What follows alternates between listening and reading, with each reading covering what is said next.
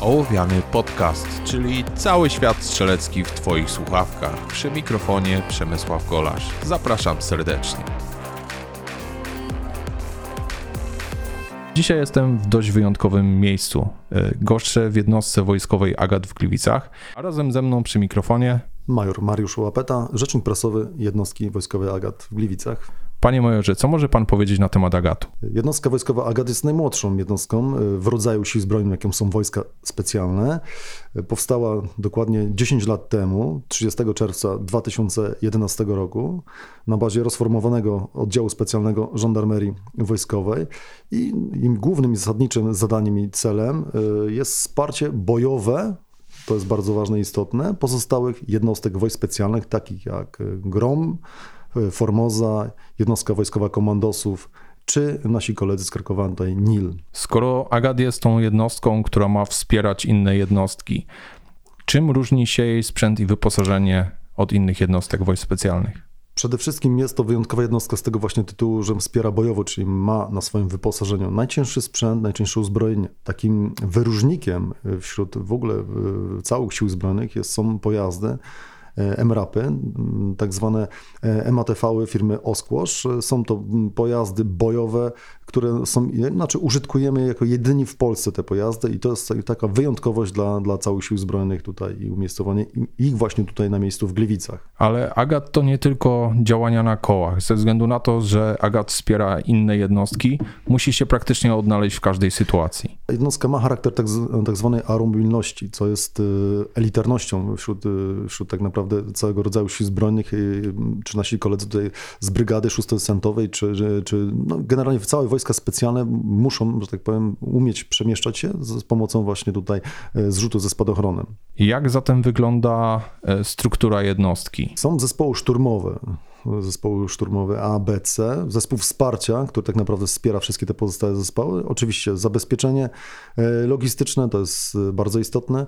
E, grupa zabezpieczenia medycznego, no wiadomo, sztab i dowództwo to już tam, że tak powiem, komórki typowo zabezpieczające, ale takim trzonem rzeczywiście to są właśnie zespoły szturmowe. Jednostka wojskowa AGAD niedługo będzie obchodziła swoje dziesięciolecie. Jak wygląda działalność tej jednostki w tych latach? W jakich misjach uczestniczyli żołnierze Agatu? Żołnierze Agatu uczestniczyli w różnych misjach, i zarówno szkoleniowych, stabilizacyjnych, jak i bojowych. Mówimy tu przede wszystkim o Iraku, Afganistanie. Są też miejsca, w których jesteśmy, ale no, których oczywiście z formalnych e, tutaj względów nie mogę tutaj ujawnić. Natomiast, e, jak to mówią, rozlewamy kawę na całym świecie.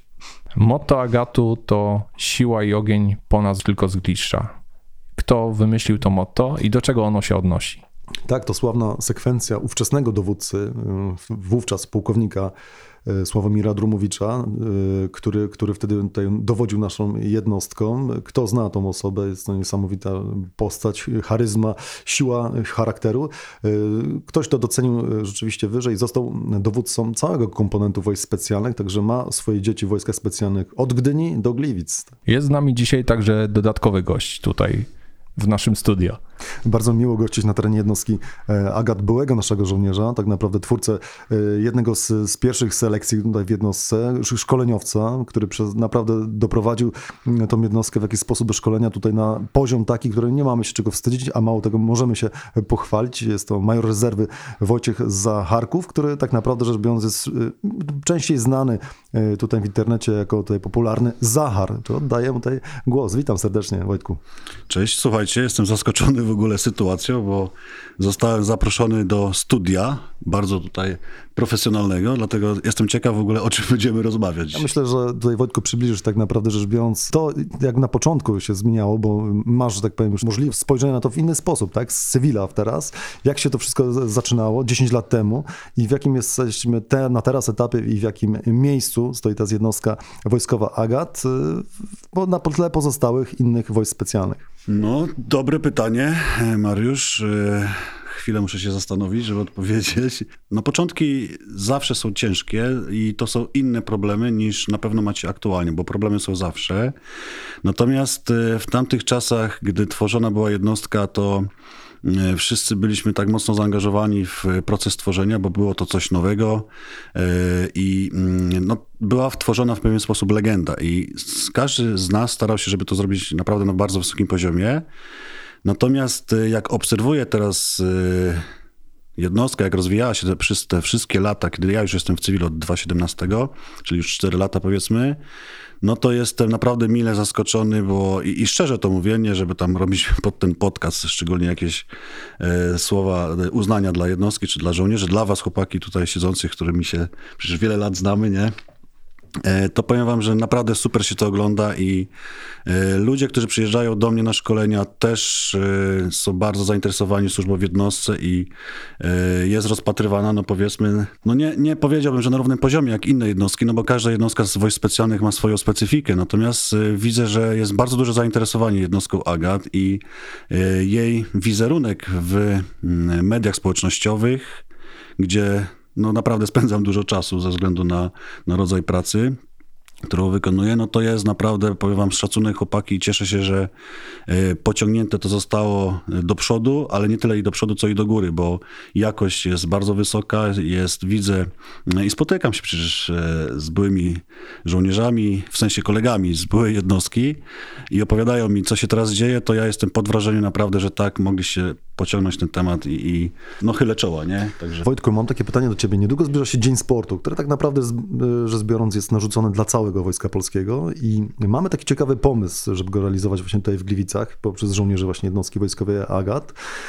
I y, chciałbym tutaj dać głos. Chodzi mi tutaj o test Górala, Marfiego. Przybliż może postać, dlaczego y, to się, się działo, skąd ten test się wziął i dlaczego jest taki interesujący i dlaczego warty jest do tego, żeby go, że tak powiem, przejść. Workout Murphy, tak zwany WOD, czyli Workout of the Day, został tworzony w chwili, kiedy Murphy oddał życie w Afganistanie, wykonując zadanie dla Navy SEAL w 2005 roku i ponoć, jak czytam jego opracowania tego WODa, to były to jego ulubione ćwiczenia po prostu i to był bieg połączony z pociąganiem na drążku, pompki, przysiady i znowu bieg. Nie będę tutaj mówił o tych ilościach, bo pewnie wszyscy znają, którzy się tam interesują tym, tą tematyką, natomiast E, jest to mm, workout, który można zrobić w każdym miejscu, mając tylko drążek do podciągania i nawet drążka nie trzeba, bo można to zrobić na jakiejś gałęzi, futrynie, jakimś daszku i tak dalej. I jest to trening, który tradycyjnie wykonuje się w kamizelce obciążeniowej.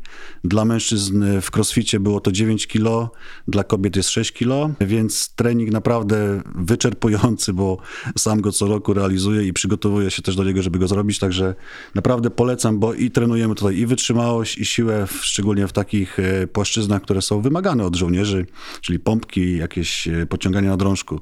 Także polecam ten trening i cieszę się, że tutaj poruszyłeś już ten aspekt. A powiedz mi, Wojtko, w najbliższym czasie, gdzie taki test można odbyć? To jest jedno z pytań podchwytliwych, Mariusz.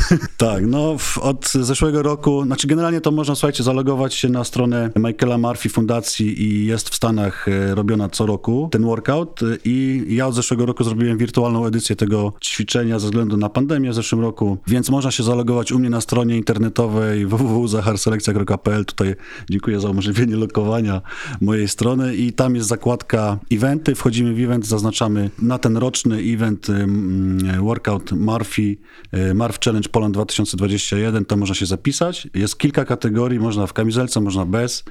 Y, żeby poszerzyć ilość zainteresowanych osób, to również i wprowadziłem możliwość pociągania australijskiego na taśmach podwieszonych i pompki jeżeli ktoś nie czuje się na siłach. A tu generalnie chodzi E, no jak w większości wydarzeń, które ja tam staram się organizować w cywilu, chodzi o ideę, o, chodzi o wspieranie fundacji, bo e, wpisowe, które będą tam e, zbierane przez nas, idą na fundację Michaela Murphy właśnie i też na fundację Sprzymierzeni z Grom. Czyli generalnie chodzi o to, aby każdy spróbował, a niekoniecznie każdy musi zaliczyć go w pełni. Po prostu podjąć wyzwanie. Dokładnie tak, bo jeżeli jest cel jakiś wyznaczony i jest określony w czasie, no to ludzie e, całkiem inaczej podchodzą do treningów. Nawet jeżeli się nie chce komuś zrobić treningu, no to wie, że tam zapisał się na jakiś event i jest jakaś określona data, no to wie, że ma miesiąc do tego, żeby wystartować, bo akurat dzisiaj powiedzmy, że jest miesiąc no to jest ten czas, żeby zacząć trenować podciąganie pompki i zawsze ta forma się zrobi, a słuchajcie, jeżeli y, trenujecie pod Mar Marfiego na przykład, to sylwetka zrobi się sama, nie trzeba dbać o to. Oczywiście wszystkie linki będą umieszczone pod odcinkiem, także jeżeli ktoś jest zainteresowany, to zapraszamy. Dzięki bardzo chłopaki.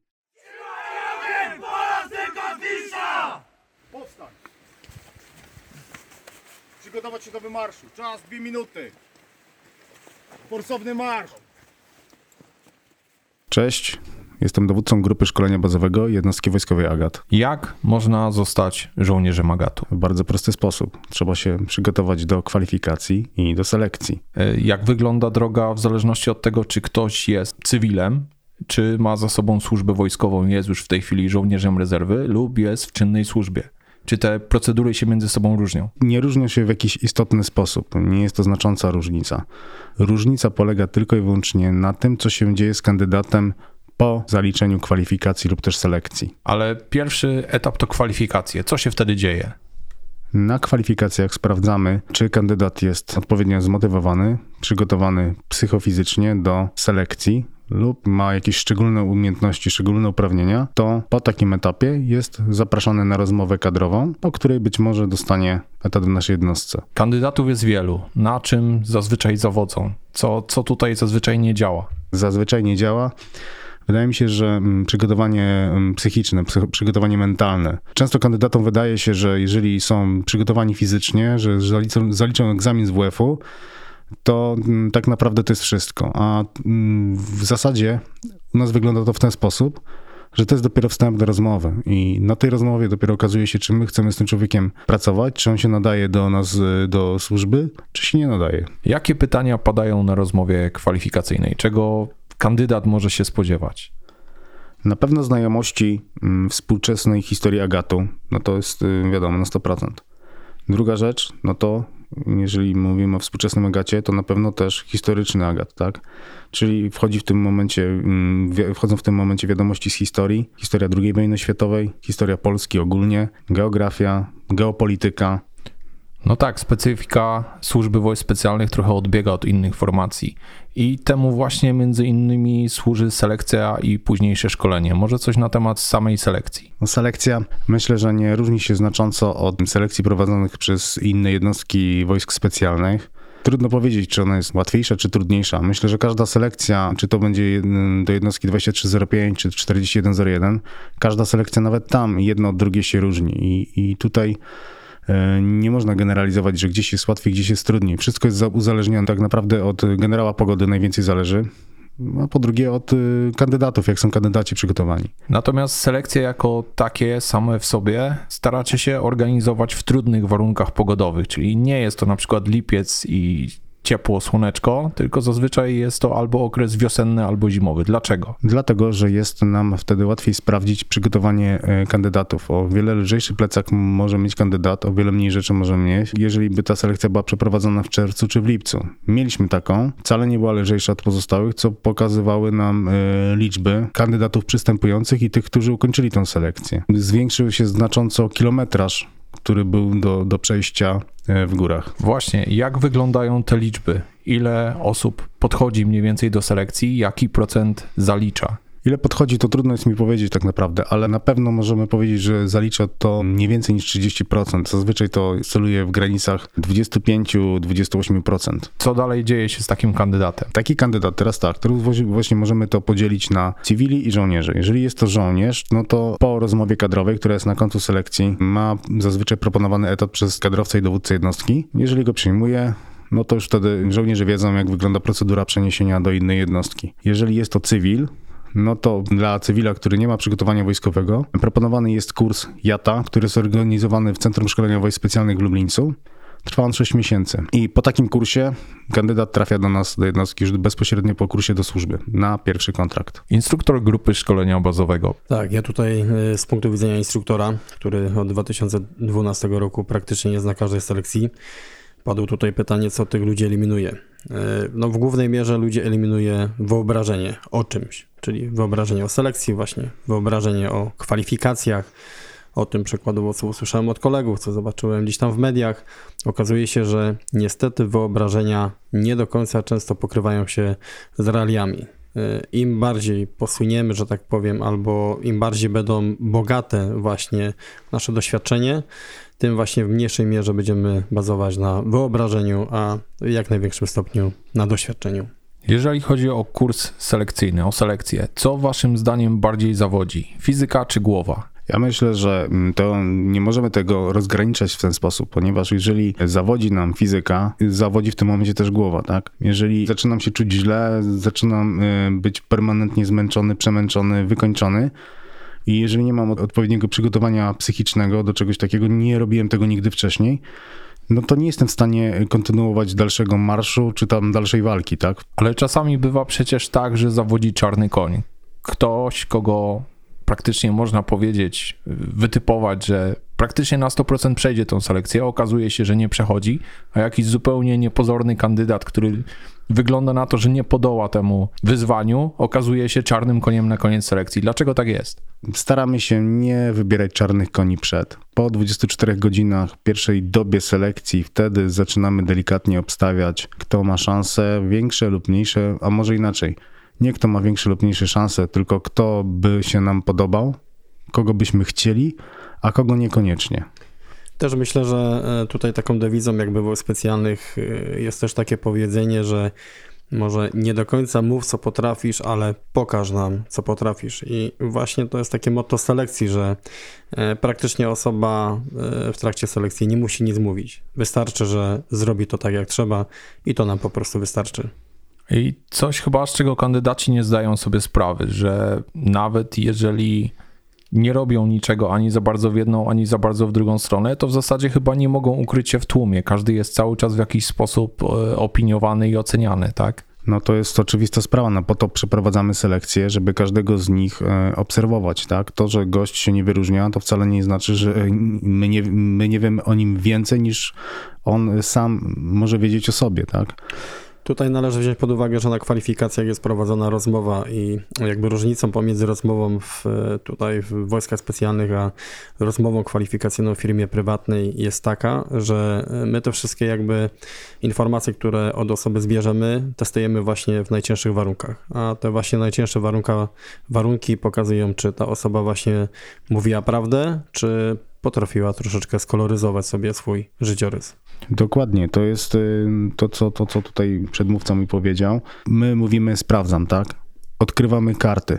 Jeżeli kandydat jest już zmęczony, my wtedy zadajemy mu często te same pytania, które padają na rozmowie kwalifikacyjnej, y, nie wiem, miesiąc, dwa, trzy, trzy miesiące wcześniej i sprawdzamy, czy to się wszystko pokrywa, czy ten gość się przygotował, czy się poprawił, czy wyciągnął wnioski nawet z takiej y, rozmowy którą prowadzimy na kwalifikacjach. Wiadomo, że w trudnych warunkach pojawiają się naturalni liderzy i na pewno na to zwracacie uwagę.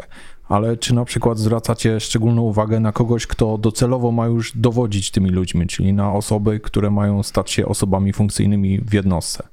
No to jest sprawa oczywista. Takie osoby mm, już na etapie wstępnej, czyli już na samym, samym dzieleniu na selekcji, są odpowiednio jakby oznaczane przez nas. Może to zabrzmiało trochę dziwnie, ale tak to jest, żeby zawsze instruktorzy wiedzieli, kto jest albo w stopniu oficerskim, albo kandydatem na oficera, czyli jest powiedzmy podchorążym, lub y, kto jest w stopniu podoficerskim, tak? Te osoby często też y, sprawdzamy właśnie pod kątem zdolności przywódczych i umiejętności dowodzenia, tak?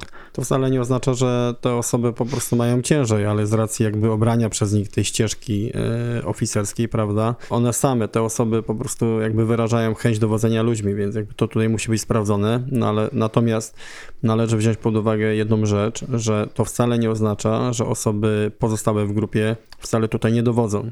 Pole walki pokazuje jednoznacznie, że w określonych sytuacjach tak naprawdę dowództwo może i czasem będzie taka potrzeba, że będzie musiał przejąć ten, który jest akurat najniżej. Dobrze, kończy się selekcja, kandydaci zaliczyli, e, dostają się do jednostki. Co dalej? No, zależy teraz. Tak, jeżeli mówimy o kandydatach do zespołów szturmowych e, i do zespołów wsparcia, no to oczywiście naturalnym, naturalną koleją rzeczy jest dostanie się, zakwalifikowanie się i przejście e, szkolenia podstawowego, które trwa rok czasu w jednostce, tak? Szkolenie podstawowe i z tego co wiem, szkolenie podstawowe znowu w pewien sposób zeruje wszystkie karty, czyli ludzie przestają mieć taką swoją tożsamość, stopnie, stają się dla was zwykłymi numerami i przychodzą proces szkolenia od początku. Dlaczego tak jest? Przecież przychodzą do was ludzie z niejednokrotnie bardzo dużym doświadczeniem z innych jednostek i po co jest konieczny ten proces, żeby ich na nowo formować? No właśnie dlatego, że przychodzą z różnych jednostek. Przychodzą z różnych jednostek, przychodzą z różnych resortów czasami, albo przychodzą mm, z cywila mm, niemalże bezpośrednio i my musimy pewne rzeczy ujednolicić. To musi być pewien standard, do którego wszyscy się muszą dopasować. Co obejmuje szkolenie bazowe, czyli w jakich kierunkach jest prowadzony ten kurs podstawowy, który ma ukształtować przyszłego operatora jednostki wojskowej AGAT? I teraz y, tutaj delikatnie przerwę mojemu przedmówcowi, żeby nie było tak poważnie. Prawdopodobnie słuchają nas osoby, które oczywiście są y, tutaj y, osobami zainteresowanymi wojskami specjalnymi. Wyobraź sobie, że oglądasz właśnie filmik na YouTube odnośnie wojsk specjalnych i widzisz tam dynamiczne wejścia do budynków, widzisz tam działania na statkach powietrznych, widzisz tam skoki spadochronowe, widzisz tam przetrwanie w ciężkich warunkach, więc to właśnie wszystko, co tam oglądasz, w skrócie właśnie można by powiedzieć, że to jest właśnie e, kurs bazowy, patrząc pod kątem wyobraźni. Natomiast patrząc pod kątem już konkretów, powie tutaj szef. Szkolenie bazowe jest podzielone na trzy fazy. Kurs działań specjalnych, czyli KDS, później mamy kurs podstawowy i szkolenie specjalistyczne. I podczas tych dwóch pierwszych faz przyglądamy się kandydatom, wyłapujemy takich, którzy mają szczególne predyspozycje do specjalności deficytowych. Patrzymy, czy ktoś ma predyspozycję na snajpera, breachera, nie wiem, radzika. I później takie osoby są kierowane na odpowiednie szkolenie specjalistyczne, po to, żeby później mm, na zespole, w grupie móc dalej kształcić się w tych specjalnościach. Do Agatu trafiają przecież ludzie z wszystkich jednostek, z praktycznie z całej Polski. Jak wygląda to szkolenie pod względem obciążenia dla takiego człowieka, który niejednokrotnie ma swoją rodzinę i jest daleko od domu? Należy wziąć pod uwagę, że na bazówce ogólnie czas ulega załamaniu, czyli czasoprzestrzeń po prostu ulega załamaniu. Co mamy na, na myśli, mówiąc? E, jeżeli mówimy standardowo 10 godzin, to tak naprawdę dzisiaj jest to 10, jutro jest to 12, dlatego jest to bardzo duże obciążenie dla rodziny i operator powinien być tego jak najbardziej świadomy. Czy widzimy w tym problem albo w czasie bazówki, że jest to problem dla tych e, młodych chłopaków? Pewnie tak, ale jest to niezbędne. Potem będzie już tylko lepiej. Przyszły operator, czyli osoba, która chce zostać dopiero operatorem. Aplikuje, ta osoba aplikuje. No i tak jak tutaj mój kolega powiedział, trzeba wziąć pod uwagę to, że selekcja to jest tylko taka namiastka tego, co czeka e, kandydata na szkoleniu bazowym. Dlatego na selekcji poddajemy ich bardzo dużemu obciążeniu fizycznym i silnej presji psychicznej przede wszystkim. Tu też e, chciałbym jakby powiedzieć dla osób, które za cel główny mają przejście selekcji. Są też takie osoby, które chcą się sprawdzić, przechodzą na kwalifikacje, następnie przechodzą na selekcję. Niejednokrotnie niestety tej selekcji nie przechodzą. Natomiast zdarza się, że osoba przejdzie selekcję, jakby nie podejmuje wyzwania dalej, bo dla tej osoby ta selekcja jest jakby wszystkim. Jakby z całą tutaj stanowczością mówię, że dopiero ukończenie tak naprawdę kursu bazowego jest tak naprawdę świadectwem, że dałem radę. Czyli generalnie selekcja to trochę przedwczesna radość. No tak, no to jest takie właśnie, można powiedzieć, przed przedszkole przed gimnazjum lub gimnazjum przed szkołą średnią, chociaż teraz chyba, że gimnazjum nie ma. Nie mamy gimnazjum. Nie mamy, także od, nie da się z grubej rury, że tak powiem, iść od razu na szkolenie bazowe. No po prostu trzeba wykazać się wcześniej. Także ta przysłowiowa piątka jakby instruktora, która jest, która jest na selekcji, jest tak naprawdę niczym w porównaniu właśnie z tym, y, z tą grabą, z, z, z tą dłonią instruktora właśnie po zakończeniu szkolenia bazowego. On dopiero wtedy wchodzi jakby w arkana tutaj zespołu szturmowych. Tutaj muszę jeszcze dodać jedną rzecz, że żeby mm, dostanie się do jednostki, to tak jak tutaj kolega powiedział, to jest jedno. A druga rzecz to jest jeszcze dostanie się na szkolenie bazowe, gdzie też mamy dodatkowy egzamin, tak? bo ostatnio mieliśmy 30 miejsc na, dla 60 kandydatów. Więc i tak dostał się co drugi. A co jeżeli to sito kwalifikacji w jakiś sposób zawiodło? Czyli dostał się do jednostki, żołnierz, osoba, która tak naprawdę nie do końca się nadaje, a sama z siebie nie chce odejść. Czy mieliście taką sytuację, że ktoś nie do końca nadawał się i po prostu trzeba się było z nim pożegnać wcześniej czy później? Oczywiście y, nie jesteśmy tutaj bogami i nie jesteśmy w stanie wyłapać wszystkiego. Oczywiście dążymy do tego, ale takie sytuacje na pewno się zdarzały. Natomiast tutaj w dużym stopniu działa siła grupy. Czyli jeżeli na y, etapie szkolenia bazowego y, tak naprawdę widzimy, że pewne osoby przez y, pozostałych szkolonych zostają troszeczkę odsunięte, czyli zauważamy, że alienują się, to tutaj te działanie grupy tak naprawdę może być bezwzględne. Siła wojsk specjalnych polega na działaniu zespołowym, a nie na pojedynczym Rambo czy komando, tak? Wysokie umiejętności indywidualne plus możliwość współpracy w grupie na wysokim poziomie świadczy po prostu o sukcesie. Czyli te indywidualne y, zdolności muszą być na bardzo wysokim poziomie, ale dopiero tak naprawdę zgrane w działaniu grupowym mogą przynieść y, takie skutki, które po prostu charakteryzują wojska specjalne. Jakie specjalne uprawnienia, kwalifikacje mogą pomóc w dostaniu się do jednostki? Właśnie tutaj chciałem wspomnieć jeszcze o tym, że na, na pewno jeżeli ktoś ma jakieś szczególne uprawnienia, szczególne kwalifikacje, to jednostka też będzie w jakiś sposób mm, zabiegała o to, żeby taką osobę, tak, takiego kandydata pozyskać do służby. E, To też jest taka kwestia, widząc na rozmowach kwalifikacyjnych y, teczkę osoby, która chce się przyjąć, no może teczkę to tak nieładnie powiedziane, bo będzie się niektórym kojarzyć z innymi rzeczami, e, ale mając tutaj e, po prostu informacje o danej osobie, wyobraźmy sobie, że mm, tutaj osoba z lewej strony przykładowo e, ma dwa kursy zrobione, a przykładowo osoba z prawej strony ma szereg kursów, widać, że osoba dźwiga swoje jakby uprawnienia, podnosi, czy to umiejętności strzeleckie, czy to umiejętności odnośnie samoobrony, czy to umiejętności odnośnie chociażby skoków spadochronowych, czy to właśnie uprawnienia jakiejś łączności, e, uprawnienia kierowa- kierowania ciężkimi pojazdami. Na pewno to są rzeczy, które pomogą, e, ale też jednoznacznie mówią, że ta osoba dba o to, by podnosić swoje kwalifikacje. I właśnie na takich osobach tak naprawdę najbardziej, nie tylko nam zresztą, ale wszystkim jednostkom specjalnym zależy. O, ostatnio miałem okazję rozmawiać przez telefon z jakimś tam kandydatem, który zapytał się mnie, czy na pewno robimy egzamin spływania na kwalifikacjach. Powiedziałem, że tak. No to zapytał się mnie, czy idzie to jakoś przeskoczyć. Powiedziałem mu, że idzie. Trzeba się nauczyć pływać. I to jest właśnie taki suchar agatu.